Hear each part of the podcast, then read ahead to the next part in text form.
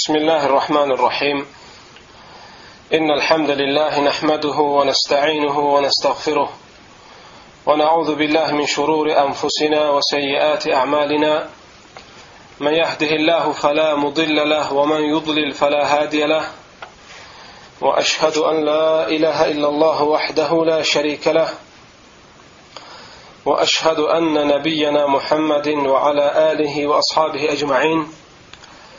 الحمد لله الذي هدانا لهذا وما كنا لنهتدي لولا أن هدانا الله أما بعد Hamınızı təkrar salamlayıram. Səlam aleykum və rəhmətullahi və barakatuhu. Bu qardaşlar bizim yeni görüşümüz sayılır. Allah Taala bu görüşü bizlərə nəsib etdiyinə görə və bizləri bugün təkrar görüşməyə muvaffaq etdiyinə görə Allah Taala həmd olsun, şükürlər olsun.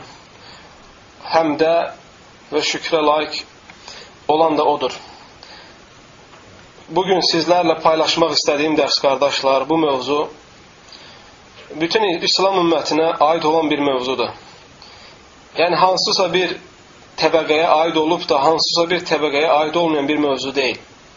Şamil bir mövzudur. İstər gənc olsun, orta yaşlı olsun, yaşlı insan olsun, qadın, kişi, cahil olsun, alim olsun, elm tələbəsi olsun, dəvətçi olsun, fərqi yoxdur. Bir müsəlman ümmət olaraq hər kəsin bilməsi lazım olan, şəriətdə tələb olunan məsələlərdən biridir. Mövzu qardaşlar, alimlər haqqında olacaq, əhl-i sünnə vəl cəmaanın alimlərə qarşı mövqeyi haqqında olacaq. Ee, İnşallah çalışacağım ki, bu dərsimizdə alimlərin kitab və sünnədə, yəni alimlərin fəzilətinə toxunum və bu fəziləti kitab və sünnədə, kitab və sünnə ilə bəzətim. Yəni onların fəzilətinə dəlalət edən bir neçə dəlil söyləyim, həm kitabdan, həm sünnədən. Və sonra əhl-i sünnə vəl cəmaanın əqidəsinə görə alimlərə tən, tən etməyin nə qədər təhlükəli olmağına toxunun. Və sonra alimlərə tən etməyin ümumi şəkildə və xüsusi şəkildə də bu əsrdə hansı səbəblərdən meydana gəlir, bu səbəbləri öyrənməyə e, toxunum və bunları da bilməyə çalışaq. Dördüncü olaraq qardaşlar, alimlərə tən eləməyin nə qədər e, bəxş etdiyi pis təsirlər varsa, onlara toxunmağa çalışacağam. Beşinci olaraq da bu xəstəlikdən, bu müsibətdən hansı yollarla xilas olmaq olar, o məsələlərə toxunmağa çalışacağam. Allah Taala'dan istəyirəm ki, bizləri bu məsələləri ərz eləməkdə, bunları anlamaqda və əməl etməkdə bizlərə yardım eləsin. Qardaşlar, alimlərin fəzilətini danışmaqda ma elə gəlir ki, nəinki bu dərs, nəinki bir neçə dərs, alimlərin fəzilətini biz haqqı ilə anlatası olsaq, bir neçə və belə görüşlərə geniş şəkildə ehtiyacımız var. Lakin hamısını əldə edə bilməsək də, hamısını da tərk eləməmiz doğru deyil. Lakin çalışacaq, yaxınlaşdıraq və anlamağa çalışaq. Quran-ı Kərim doludur qardaşlar alimlərin məkanətini, alimlərin mənzilini bəyan edən ayətlərlə.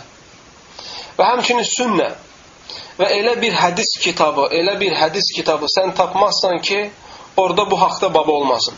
Orada bu haqda onlarca hədislər olmasın. Elə bir alimin sözünü tapmazsan ki, alimlərin haqqında, onların fəzilət haqqında sözü söhbəti olmasın. Qısacası qardaşlar, alimlərin fəzilətinə dəlalət eləyən ən açıq aydın, ən e, məşhur olan ayələrdən Alimran surəsinin 118-ci ayəsi. Allah Teala Alimran surəsinin 118-ci ayəsində buyurur: Əuzu billahi mineşşeytanirracim. Şəhidallahu ennehu la ilahe illa huwa vel melaiketu ve ulul ilmi qaimen bil qist. Bu ayətə diqqət yetirin mənimlə bərabər. Allah özündən başqa ibadətə layiq olan mabudun olmadığına şahidlik etdi mələklər və elm sahiblərini də mələklər və elm sahibləri də şahidlik etdilər.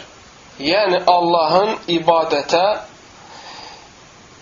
haqqı ilə ibadətə layiq olan yeganə məbud olmağına. Bu açıq-aşkar dəlalət edir əziz qardaşlarım alimlərin fəzilətinə. Alim nəzərdə dedikdə nəzərdə tutduğum şər'i alimlərdir. Kitab və sünnəni bilən alimlərdir. Elminə əməl edən alimlərdir. Bunlara Rabbani alimlər deyilir. Elm əhli deyir ki, bu ayədə açıq-aşkar alimlərin fəziləti ortadadır iki nöqtə baxımından. Birinci nöqtə Allah Taala ancaq alimlərin şəhadətini zikr eləyir, onun vəhdəniyyətində ibadətə layiq olmağında başqa insanları zikr eləmir bu ayədə. İnsanlar bilirsiniz təbəqələrə bölünür qardaşlar. İnsanlardan mühəndislər var, insanlardan həkimlər var, insanlardan e, güclü olanlar var, pəhləvanlar var, igidlər var, varlı insanlar var və s. kimi. Lakin Allah Taala öz vəhdəniyyətinə şahidlik etmək üçün ancaq alimləri zikr eləyir bu ayədə. Və Allah Taala onları bu ayədə bu bu ən şərəfli bir məsələ ilə onları xüsusiləşdirməsi onların ən böyük fəzilətinə dəlalət eləyir. İkinci nöqtə əziz qardaşlarım ayədən alimlərin fəzilətinə dair ikinci e, fayda nöqtəsi Allah Taala alimlər alimlərin şəhadətini, onun ibadətə tək onun ibadətə layiq olduğunu e, ispat eləmək üçün Allah Taala və yaxud da insanlara demək üçün öz şəhadəti ilə alimlərin şəhadətini bərabər şəkildə Allah Taala zikr eləyir. Və bu bərabər şəkildə zikr olunması Əhl-i Sünnə vəl Cemaanın etiqadına görə o şeyin fəzilətinə dəlalət eləyir. Başqa bir ayədə Allah Taala buyurur: "Qul hal yestəvi'l-lezîne ya'lemûn ve'l-lezîne lâ ya'lemûn innema yetezekkeru ulul albab." Zumar surəsi 9-cu ayə. De heç de. Heç bilənlərlə bilməyənlər eyni ola bilər. Bu etiraz cümləsidir möhtərəm qardaşlar. Etiraz cümləsidir ki, bilənlərlə bilməyənlər heç eyni ola bilər. Bundan ancaq ağıl sahibləri düşünüb ibrət ala bilərlər. Çünki əksər insanlar qardaşlar özünü bəyənməkdədir. Əksər insanlar özünün arxasını yerə qoymaq istəmir. Oxumasa belə, təhsil almasa da belə, hətta az oxumuş olsa belə hər kəs özünü bilən kimi bilir. Lakin həqiqi ağıl oradadır ki, həqiqi ağıl sahibləri oradadır ki, birinci özünü tanıyır kim olduğunu, ikincisi də həqiqi bilənlə həqiqi bilməyən ayrı edə bilir. Amma nəfsinə uyan, arxasını yerə vurmaq istəməyən, özünü bəyənən heç vaxt bu həqiqəti dərk edə bilməz. Allah Taala buyurur: "De, yəni ki, özünü bilənlə bilməyənlə bir e, yəni eyni ola bilər. Yəni şəriəti bilənlə Allahı tanıyanla, Allahın halal haramlarını bilənlə bunları bilməyən eyni ola bilər? Eyni ola bilməz. İnsan özünü bəyənsə də, özünü bəyənməsə də gərək qabağına bu şeyləri qoysun ki, Allahın dinindən nəyi bilir və nəyi bilmir. Və bu zaman ona aşkar olacaq ki, bilənlərlə özünü və yaxud da bilməyənləri müqayisə etməsi doğrudur, yoxsa doğru deyil. Allah Taala başqa bir ayədə qardaşlar buyurur: "Yu'til hikmete men yasha ve men yu'tal hikmete faqad ve men yu'til hikmete faqad utiya hayran kesira ve ma yezekkeru illa ulul albab." El-Bakara surəsi 269-cu ayə. Allah istədiyi kəsə hikmət bəxş edər. Təfsir alimləri icma edib ki, qardaşlar, yəni elm bəxş edər. Hikmət kəlməsinin mənası elmdir. Allah istədiyi kəsə hikmət bəxş edər. Bəxş edir kimə hikmət bəxş ver, Allah Teala kimə hikmət vermişsə, kimə hikmət bəxş etmişsə, ona çoxlu xeyir bəxş etmişdir. Bunu isə ancaq düşüncəli insanlar anlayır. Baxın, aya necə də dəqiqdir qardaşlar. Çünki bu şeyin əsl etiraf edənlər, bu şeyi əsl etiraf edən, anlayan insanlar həqiqi şəkildə ağıl sahibləridir. Yəni hər olan şeylərə insaf gözü ilə baxan insanlardır. Hər şeyin həcmini olduğu qədər verən insanlardır.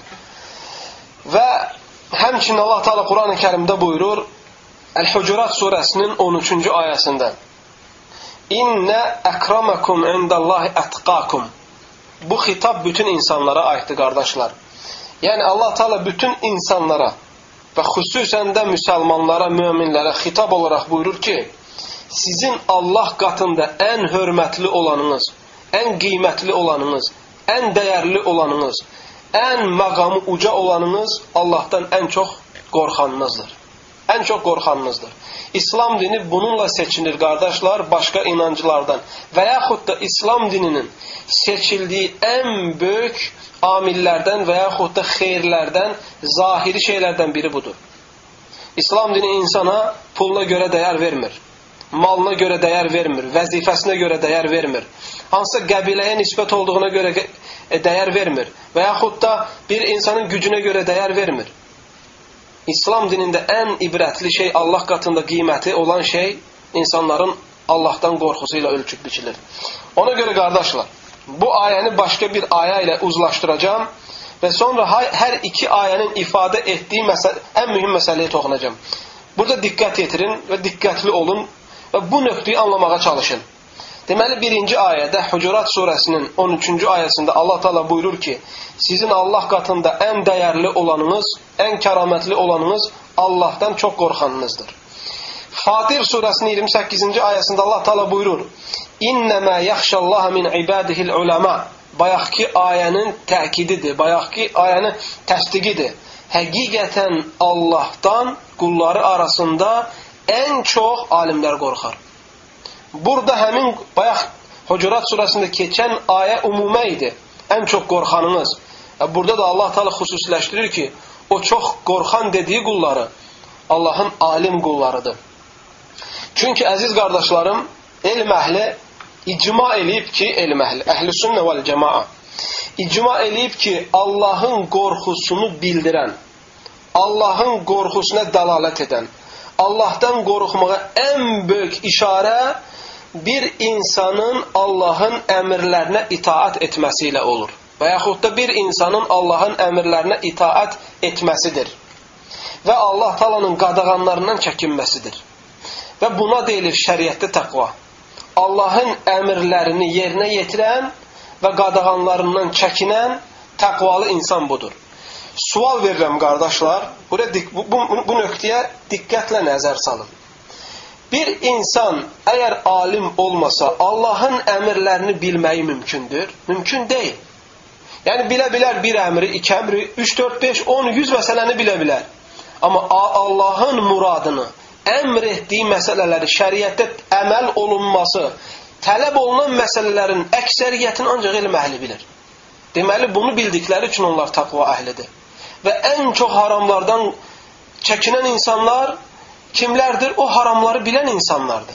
Ən çox bu haramları bilənlər kimlərdir? Elm əhlidir. Ona görə 10 haram olan şey bilənlə 100 haramı bilən eyni ola bilməz.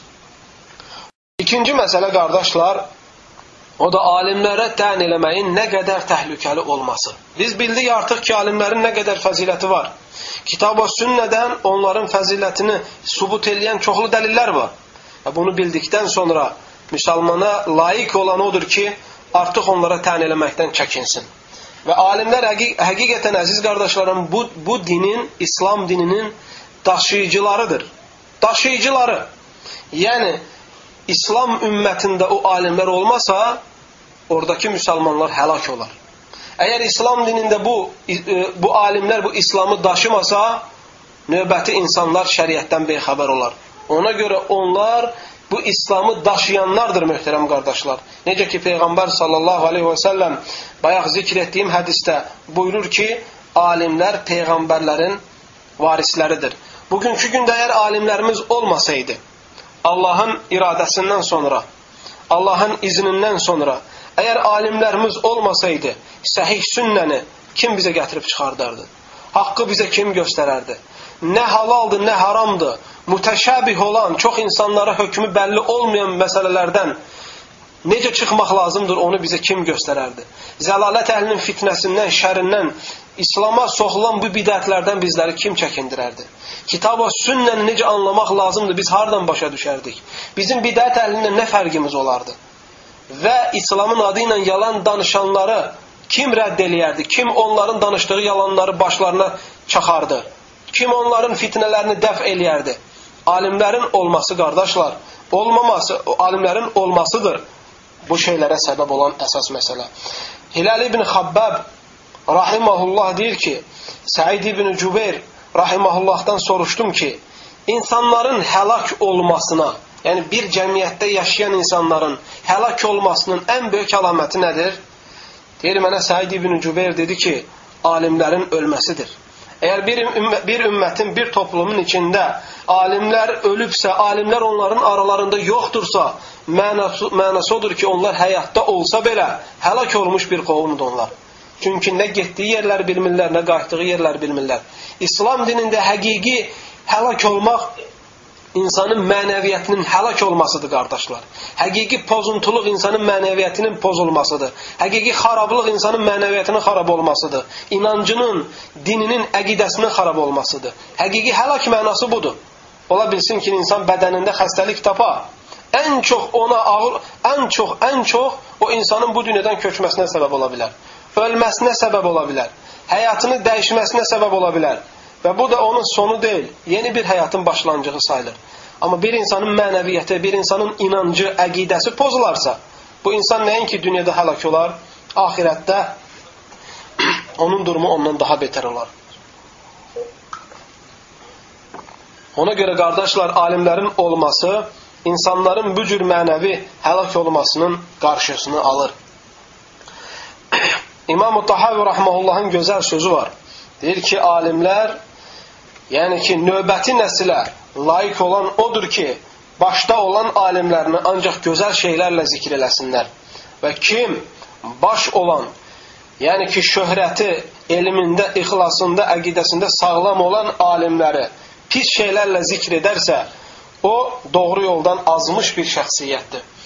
Və bu barədə elm əhlinin sözləri çoxdur möhtərəm qardaşlar. Abdullah ibn Mübarək rahmehullah deyir ki: Mən istəxaffa bil uləmə zəhəbət əxirətuhu. Kim alimləri küçümsəyərsə, onlara yuxarıdan aşağı baxarsa, o insan axirətini itirər. Məlik ibn Dinar rahmehullah deyir ki, kəfə bil mar'i şərran ən la yekuna salihan və huwa yaqa'u fis salihin.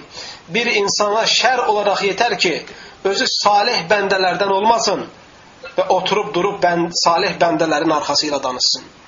Abu Derda radıyallahu anh deyir ki, "Mə nahnu laula kelimatul fuqaha." Biz heç nə olardıq əgər alimlərimizin bizlərə öyüd nəsihəti, bizlərə sözləri olmasaydı. Həsənül Basri rahmehullah deyir ki, "Ed-dunya kullaha zulma illa majalisel ulema." Dünyanın hər tərəfi zülmətdir. Bütün dünya zülmətdir. Elm əhlinin, alimlərin məclislərindən başqa. Çünki insanın orada qəlbi açılır, gözü nurlanır. İnsan nisbətən vicdanında rahatlıq tapır qardaşlar. Bugün biz çox insanları görürük ki, xoşbəxtliyi və saadəti, qəlb rahatlığını əldə etmək üçün çox yerlərə əl atır, amma tapa bilmir. Nəyə görə? Çünki zülmətin harda olduğunu, nurun harda olduğunu bilmir. Xeyrin harda olduğunu, şərin harda olduğunu bilmir. Öz başına hərəkət eləyir. Ona görə öz başına hərəkət etmək insanı daima uçurumlara aparır. Qardaşlar, bugün görürük. Bəzi insanlar heç də çəkinmir alimlərə təyin eləməkdən. Bəzən böyük alimləri ittiham eləyir. Deyir ki, onları bəzi onların bəziləri deyir ki, onlar mötəbər alimlər deyil. Onların bildikləri ancaq heyz və nifas məsələləridir. Bəziləri ittiham eləyir alimləri, küçümsəyir. Deyir ki, o da alimdir. Mən də o, o filandır, mən də filanam. Bəziləri ittiham edir alimləri, deyir ki, onlar saray və sultan alimləridir. Bəziləri onları yaltaqlıqla ittiham edir. Mən nəzərdə tutduğum qardaşlar həqiqi İslam alimləridir. İslam alimlərini belə bir iftira ilə iftira etmək ən böyük yayılmış xəstəliklərdəndir və ən böyük haram olan məsələlərdəndir. Çünki mən qəsd elədiyim xüsusi sizə biraz sonra inşallah misallar çəkəcəm.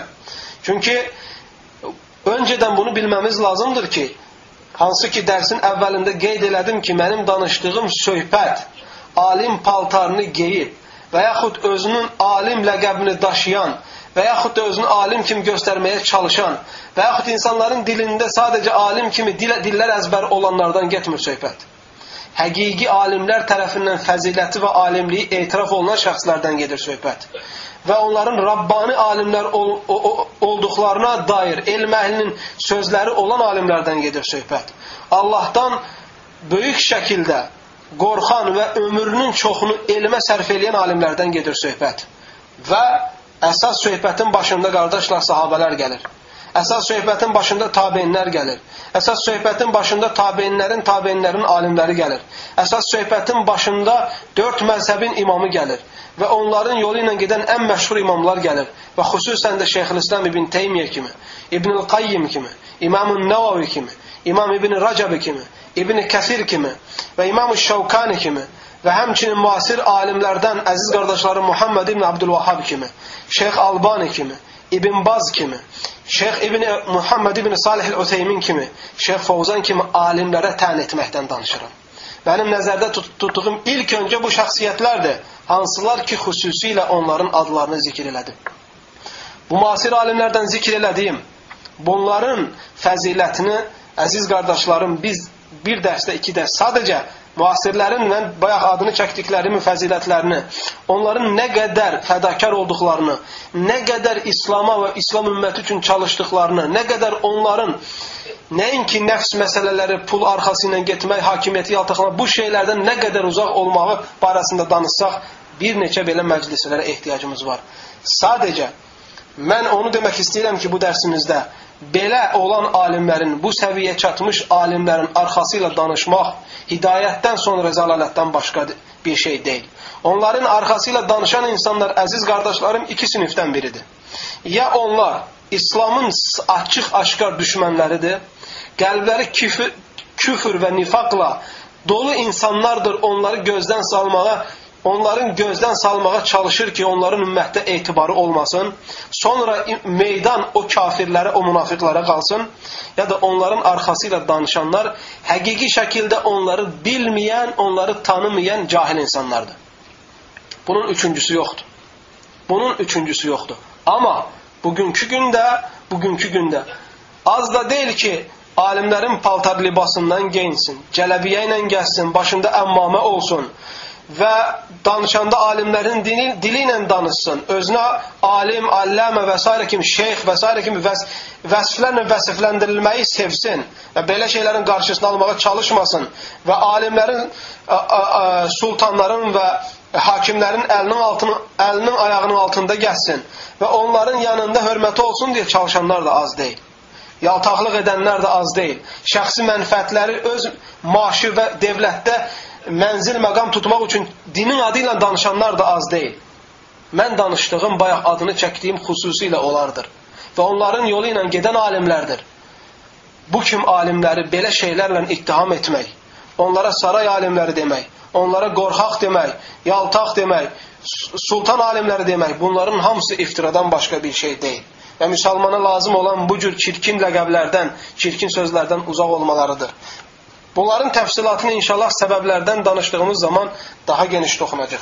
Lakin burada önəmli olan bir neçə sir olan məsələlərə toxunmaq istəyirəm qardaşlar. Hansı ki bunun bugünkü gündə ortada olmasında arxadan gizli olan məqsədlərdir bunlar. Arxada olan, çox insanın görmədiyi məqsədlərdir bunlar. Bugün nəyə görə alimlərə qarşı cinayət çoxalıb? Nəyə görə alimlər bugün gözdən salınmaq üçün adicə internetdə bir neçə şəbəkələr var. Kimlər şəbəkə adı, kimlər tanımaq istəyirsə saray, saray alimlərini buyursunlar, görsünlər. Və yaxud da min cür iftiralar, kitab-ı sünnə adını qoyaraq insanları ora cəzb eləməyə çalışırlar. Orada iştirak eləməyini tələb eləyirlər. Hər məclisdə görürsən ki, başında müqəddiməsində ümumi sana eləyir, sonra xüsusiyə gəldikdə isə alimləri təyin eləyir və onları gizlin, örtülü ibarələrlə gözdən salmağa çalışır.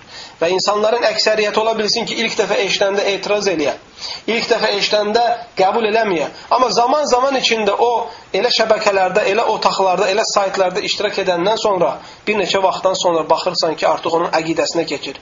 Sonra bu susmur. Sonra başlayır onun qulağına fısıldanılan şeyləri cəmaatın içində yaymağa. Burada qardaşlar, əsas məqsəd nədir?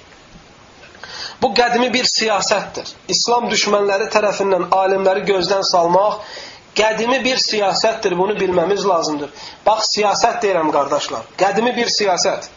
Çünki alimləri təyin eləmək həddi zatında onları gözdən salmaq deyil. Həqiqi mənası bu deyil. alimlərin daşlığı şəriəti tən eləməyə gətirib çıxardır. Və mən sizə örnək verəcəm tarixdən burada. Zaman zaman içində bunları, bu dediyim şeyləri subut eləmək üçün, qəşəng anlamamız üçün sizlərə bir neçə dəlil və statlar gətirəcəm tarixdən. Lakin onu bilməmiz lazımdır ki, müqəddimə olaraq alimləri gözdən salmaq dedikdə bugünkü gündə onu gözdən salmağa çalışmaq istədikdə məqsəd onların zatı deyil, məqsəd şəriətdir. Məqsəd İslamı darmadağın eləməkdir. Məqsəd kitab və sünnən insanların ayağına atmaqdır. Çünki onlar kitab və sünnəni uçurmaq istəyən, istəyənlərin qabağında dağlardır. O dağları aşmaqla onlar şəriəti dağıtmaq istəyirlər. Buna ən məşhur dəlil möhtərəm qardaşlar, tarixdə keçən, səhih hədislərlə rivayət olunan, Qurani Kərimdə buna dəlalət eləyən ən məşhur hadisə ifk hadisəsi. İfk hadisəsi möhtərəm qardaşlar. Ayşə radiyallahu anhənin əxlaqsızlıqla ittiham olunma məsələsi bəzi münafiqlər tərəfindən. Baxın şəriətdə. Həddi zatında burada məqsəd Ayşə radiyallahu anhə deyil idi. Burada bu məsələnin ortaya çıxmağında münafiqlərin bu məsələni ortaya atmaqlarında Rasulullahı ittiham etmək istəyirlərdi. Rasulullahın gətirdiyi şəriəti ittiham eləmək istəyirlərdi. Rasulullahın ən böyük yardımcısı olan malı ilə, canı ilə İslama xidmət edən Əbu Bakır radiyallahu anhunu ittiham eləmək istəyirlərdi. Məqsəd burada bu idi. Çünki orada Ayşə radiyallahu anhəni tən eləməklə demək istəyirlərdi ki, baxın peyğam bir peyğəmbərin zövcəsi belədirsə, onun gətirdiyi şəriət necə ola bilər? Bir sahabənin qızı belədirsə, e, onun filana dostluğu necə ola bilər? Bunun arxasında onların məqsədi şəriəti dağıtmaq idi. Sünnəni ortadan qaldırmaq idi və müsəlmanların peyğəmbərə qarşı etibarını itirmək istəmələri idi. Ona görə bəzi şeylər var ki, ortada sirlər var ki, gözümüzü açıb bunu görməmiz lazımdır möhtərəm qardaşlar. Və həmçinin fikir verin. Abu Peyğəmbər sallallahu əleyhi və səlləmdən sonra Əbu Hüreyrə radiyallahu anhuya nəyə görə tən edirlər? Bəzi yolunu azmış, küfrün və şirkin, nifaqın içində boğulmuş bəzi firqələr. Nəyə görə xüsusiləşdirirlər Əbu Əbu Hüreyrə radiyallahu anhu tən eləməyə? Çünki Rasulullah sallallahu aleyhi və səlləmdən ən çox hədis rivayət edən Əbu Hüreyrədir. Ən çox Buxaridə, Muslimdə, Əbu Davudda, Tirmizidə, Nəsaidə, İbn Məcədə, Muvatta İbn Məlikdə, Musnad Əhməd İbn Həmbəldə, Musannaf Abdurrazaqda və başqa hədis kitablarında ən çox səhih hədislər Əbu Hureyranın rivayət etdiyi hədislərdir. Əbu Hureyranı təyin eləməkdə onların məqsədi Əbu Hureyranın şəxsiyyəti deyil, Əbu Hureyranın gətirdiyi Rasulullahın nurudur. Əbu Hureyranın gətirdiyi Rasulullahın elmidir. Şəriəti dağıtmaq istəyirlər. Əbu Hureyranın özü deyil. Ona görə əziz qardaşlarım, bunu bilməmiz lazımdır ki, bu İslam düşmənlərin qədimi siyasətidir ki, alimləri, İslamın rumuzlarını, başçılarını, öndə gedərlərini, təsir edici şəbəkələrini, təsir edici başçılarını tən eləməklə onlar şəriəti dağıtmaq istəyirlər. Baxın, növbəti təyinə baxın. Sahih Buxarini tən eləyənlər var. Sahih Buxarinin içində hədislərin hamısının səhih olmadığını iddia eləyənlər var bugünkü gündə. Sahih Buxarinin içində keçən hədisləri tən eləməyə çalışırlar ki, müsəlmanların etibarını itirsinlər Sahih Buxariyə qarşı. Oradakı şəri əhkamları götürməsinlər. Və yaxud da götürməkdə tərəddüd etsinlər. Ən azından şübhələri oyansın. Çünki müsəlmanların bir dini məstər olaraq Quran-ı Kərimdən sonra bir etibarlı kitabı olmayandan sonra gərək onda müsəlmanlar kimlərinsə əlinin, əlinin altında oyun oynayacaq olsun. Kim nə danışsa gətirib deyəcək ki, bu zəifdir, bu, bu uydurmadır, istəyən rədd ediləcək, istəyən rədd eləməyəcək. Bu cür şərlərə qapı açmaq istəyirlər möhtərəm qardaşlar. Amma bir insan etibar olduqdan sonra ki, Buxaridə gələn hədislərin hamısı səhihdir, onu qəbul eləməkdə tərəddüd eləmir. Tərəddüd nə zaman ortaya gələcək? Ona tən eləyəndən sonra. Ona görə bu çirkin və iyrənc olan bu qədimi İslam düşmənləri tərəfindən olan siyasəti anlamamız lazımdır möhtərəm qardaşlar. Baxın, bəzi qəlbində xəstə, xəstəlik olan firqələr tərəfindən nəyə görə xəlifələr təyin olunur? Nəyə görə Əbu Bakır təyin olunur? Nəyə görə Omar ibn Xattab təyin olunur? Nəyə görə Osman radiyallahu anh təyin olunur? Nəyə görə sahabələrin əksəriyyətini təkfir edirlər? Nəyə görə? Çünki İslam dininin ortada zahir olmasını istəmirlər. Allahın nurunun yayılmağını istəmirlər. Rasulullah s.ə.v gətirdiyi şəriətin aləmə hakim olmağını istəmirlər. Məqsəd budur. Məqsəd budur möhtərəm qardaşlar. Həmçinin müasir dövrdə də Şeyxülislam İbn Teymiyyə kimi və onun yolu ilə gedən İbnül Qayyim rahmehullah kimi və müasir alimlərdən Albani kimi, İbn Baz kimi, Useymin kimi alimlərə tən eləmək də həmin qabildəndir möhtərəm qardaşlar. Həmin yöntəmdəndir qardaşlar. Çünki bugünkü gündə onlar ümmətin ön alimləri sayılırlar. Onlara tən eləyəndən sonra kimdən götürəcəksiniz şəriəti? Kimin sözünü götürəcəksən, kimin fətvasını götürəcəksən? Kitabların şərhinə baxmaq üçün, sələflərin kitabını anlamaq üçün kimlərin kitablarına baxacaqsan? Kimlərin sözünə baxacaqsan? Adını tanımadığın, kimliyini tanımadığın internet şəbəkəsindən mi gedib götürəcəksən dini? Yoxsa 2-3 kitab oxuyub özünü alim kimi göstərən, özünə şeyx alləmə deyənlərdən mi gedib götürəcəksən şəriəti? Kimdən götürəcəksən? Heç kimdən götürə bilməyəcəksən. Onlar bu alimləri gözdən salmaqla, gəlin bizdən götürün, bizi onların yerinə qoyun demək istəyənlərdir. Onların halı budur. Amma dillə demirlər. Ona görə əziz qardaşlarım, buda ayıq olmamız lazımdır. Onlar kimi ola bilməsək də, ən azından onları gözdən salmamamız lazımdır. Onların hörmətini, mərifətini, qədrini, qiymətini bilməmiz lazımdır. Sələflərdən bir gözəl şeir var. Təşəbbəhu bil kirami lam takum mislahum inna təşəbbuha bil kirami falahu. Deyir elə salih insanlara, elm əhlinə, yaxşı insanlara oxşamağa çalışın. Onlar kim olmasanız da, yəni onlar kim olmağa çalışın, onlar kim olmasanız da heç olmasa oxşamağa çalışın. Heç olmasa onların qədrini, qiymətini bilin. Ona görə əziz qardaşlarım, bugünkü gündə artıq şahid olmuşuq ki, bu belə böyük alimləri tən eləyirlər nə bilim filanın gözü kördür, filan saat qayrandır, filan nə bilim sultanın əlinin altında işləyir, filan maaşına görə çalışır, filan filan filan. Allah and olsun ki, qardaşlar, bu insanlar, bu alimlərə belə iftiraları atan insanlar, yəni ya qəlbi xəstə, İslam düşmənləri, ya da cahil, heç nə bilməyən insanlardır. Ona görə biz belə insanların sözünü nə eşitməmiz, nə nəql etməmiz, nə də belə insanlarla oturub durub dostluq etməmiz doğru deyil. Çünki alimin qədrini bilməyən insan, alimin haqqında dilini qoruya bilməyən insan sənin haqqında heç vaxt dilini qorumaz. Sənin heç bir xətana göz yummaz.